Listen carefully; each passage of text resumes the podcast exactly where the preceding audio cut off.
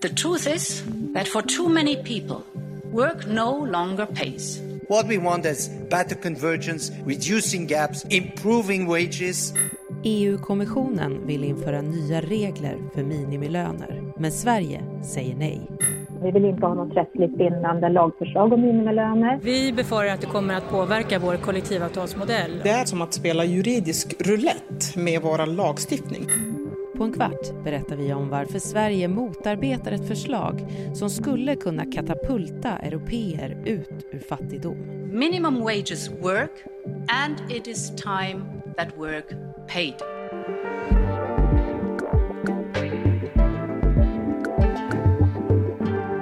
Det är onsdag den 19 maj. Jag heter Karin Bülow Vorje och du lyssnar till Dagens Story från Svenska Dagbladet. Teresa Kyschler, Brysselkorrespondent. Allt fler lagförslag inom EU, däribland det om minimilöner, kan knytas till den sociala pelaren. Men vad är då den här pelaren som det pratas så mycket om?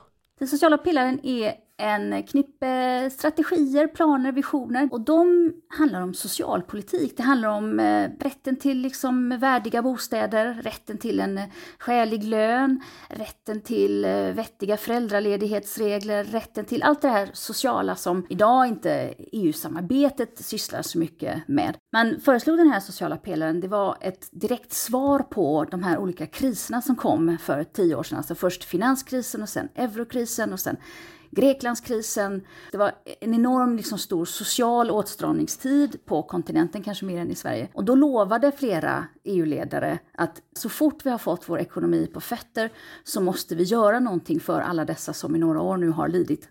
Och Jean-Claude Juncker, som var EU-kommissionens ordförande mellan 2014 och 2019, han lovade inför sin femårsperiod att jag tänker lägga fram ett förslag på områden där vi måste göra mer tillsammans eh, inom EU. Och 2017 var något av ett startskott för den här omgången av social pelare, eller hur? Det kan man säga. EU-kommissionen la till slut sitt eh, förslag och sen så bollas det vidare då till de olika EU-länderna. Och Stefan Löfven och Sveriges regering bestämde sig för att ta det här förslaget och hålla ett helt toppmöte. Och vad som hände då i Göteborg 2017 på hösten, det var att alla EUs stats och regeringschefer då skrev på liksom någon slags eh, principprogram och det var det som då man kallade för den sociala pelaren. Mm, och det är inte helt självklart att EU ska syssla med den här typen av sociala frågor, socialpolitik? Nej, det är en så extremt vanlig EU-konflikt det här att vi tycker att alla ska kunna leva skäligt såklart, säger en del länder. Men vi vill inte att EU ska bestämma över det, utan det bestämmer vi själva. Det är en väldigt vanlig svensk inställning. Så att kritiken ligger i att EU tar sig an sociala frågor. Att dra in sociala frågor i EU-samarbetet är mycket kontroversiellt.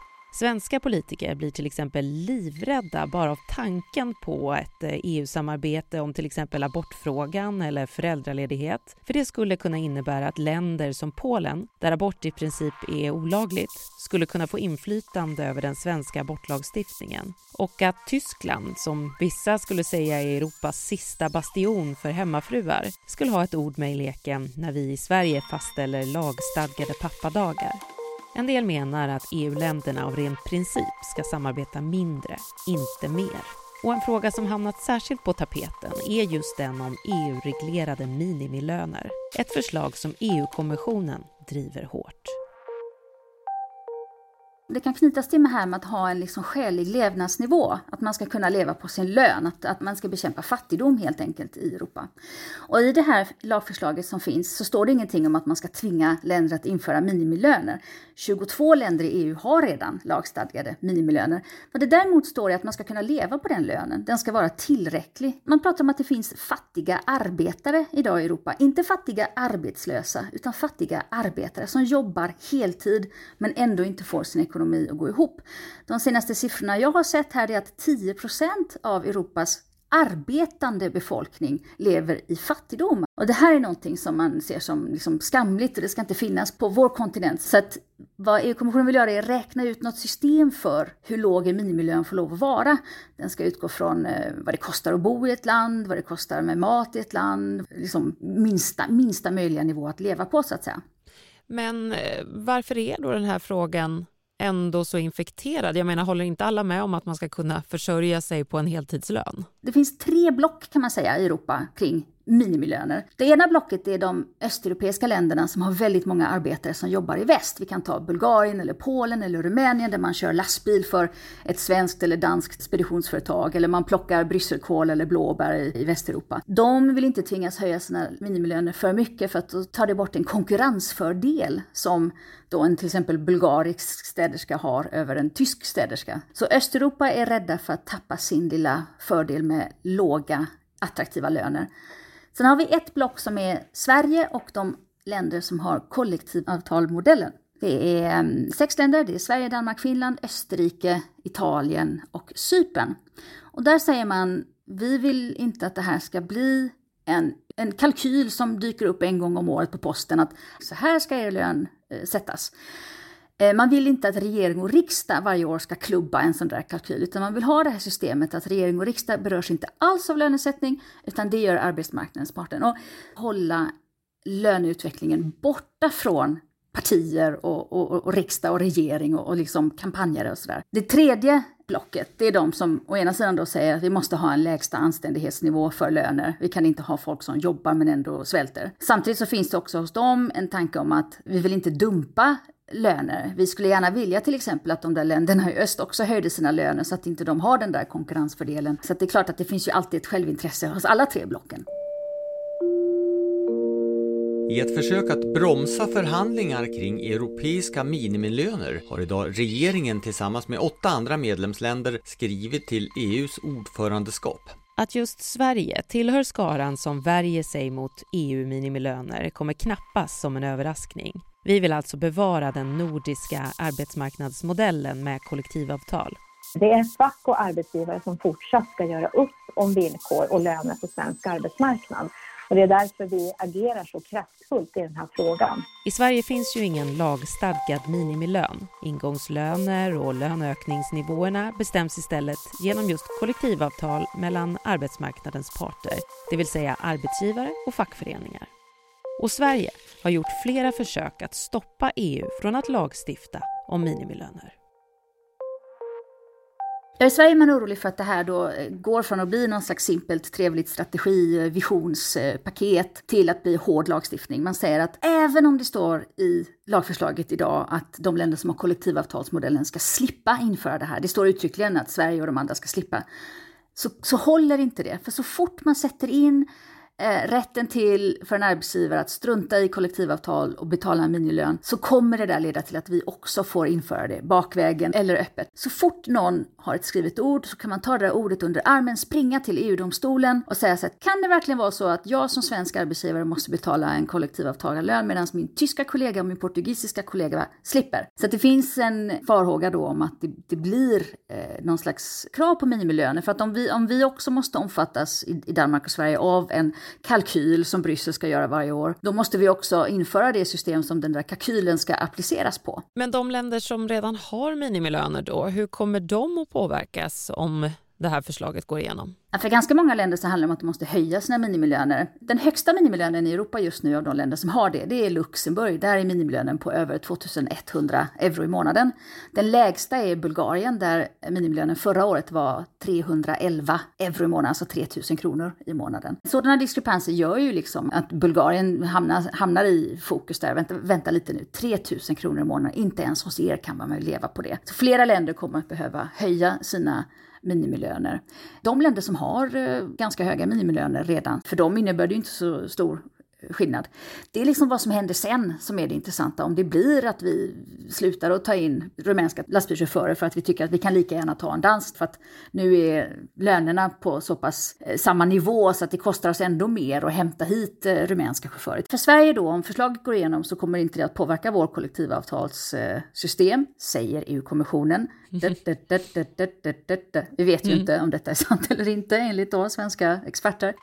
Ja, då är vi äntligen här, eh, sociala toppmötet från Göteborg till Porto. EU-toppmötet i Porto för snart två veckor sedan var en uppföljning av toppmötet i Göteborg 2017 som ju var startskottet för EU-samarbetet kring välfärdsfrågor som ju kallas för sociala pelaren. Alla ska kunna leva på sin lön, sa statsminister Stefan Löfven bland annat efter mötet, samtidigt som han upprepade att lagstiftning inte är vägen framåt. Det är ingen tvekan om var vi står och vi driver den frågan så att vi ska se till att eh, vi får regler som gör att den nordiska modellen skyddas. Så vad krävs då för att EU ska kunna besluta om minimilöner? Ja, först så krävs det att alla 27 länderna kommer överens. Och i det här fallet så eh, sitter man och bråkar lite om innehållet i hur de där kalkylerna ska göras och om man överhuvudtaget vill ha en kalkyl då såklart. En stor fråga nu är faktiskt om man vill att det här ska bli lag eller rekommendation. Vill man att den sociala pelaren ska fortsätta vara någon sån här härlig vision som man lyfter fram på bordet? Så här, så här borde allt vara i vår ideala värld. Eller ska vi liksom gå in och säga att vi inför lagar om detta? Och märkligt nog faktiskt, så för några månader sedan så gjorde jag en liten så här uppdatering på hur de olika 27 länderna ställde sig till Eh, det här då, om det ska bli en, eh, en lag eller inte. Och det var en majoritet av, länd, av EU-länderna då var faktiskt emot att man gör bindande lagar av det här. Så att, Kommer de inte överens om det här och en majoritet av EU-länderna röstar för att införa eh, det här EU-kommissionens förslag till direktiv, eh, så blir det en sån där ytterligare en Lissabonstrategi eller millenniemål eller 2020-vision eller, eller social pelare-vision. Eh, blir det lagstiftning däremot, ja men då kommer ju en enorm eh, jurist och expertrunda att sätta igång. Då kommer det vara flera år med harvande. Så vad tror du då? Kommer det bli lag av det här eller inte? Mitt stalltips är då som EU-korrespondent, jag får väl äta upp min hatt då, för jag vill lova här, om jag skulle ha fel, det är att det, det inte riktigt går att komma överens om eh, lönesättning bland 27 länder med så otroligt olika politisk kultur kring eh, Eh, lönepolitik och arbetarpolitik. Och så olika intressen då dessutom. Det är ju inte samma intressen i Danmark och Sverige vad gäller löner som det är i Rumänien eller Bulgarien eller för den delen eh, Portugal och, och Spanien. Så den svenska modellen är inte hotad trots farhågor om det? Jag tror inte det, men som sagt, jag äter upp min hatt på torget här utanför om jag har fel och det blir en bindande lag och eh, Sverige då eh, hamnar i en sits att behöva liksom reda ut vad vi egentligen måste och inte måste i med den här lagen. Teresa, vad är det för hatt vi pratar om? Jag tänker, vad går du omkring Vad bär du för hatt här i Bryssel? det är en regnjacka. Jag kan äta upp huvan på min regnjacka. Det regnar ju så vansinnigt mycket här i Bryssel. Jag har aldrig förstått vad engelsmännen klagar om vädret för. De borde bo i Bryssel en tid så ser de var vi har mest regn. Luvan på regnjackan låter segt. Men tack Teresa Kyschler för att du var med oss i Dagens Story. Tack själv.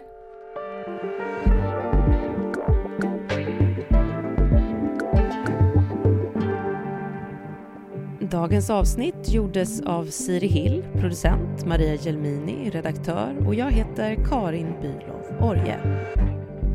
Du har lyssnat till Dagens Story från Svenska Dagbladet. Ett ämne, 15 minuter varje vardag.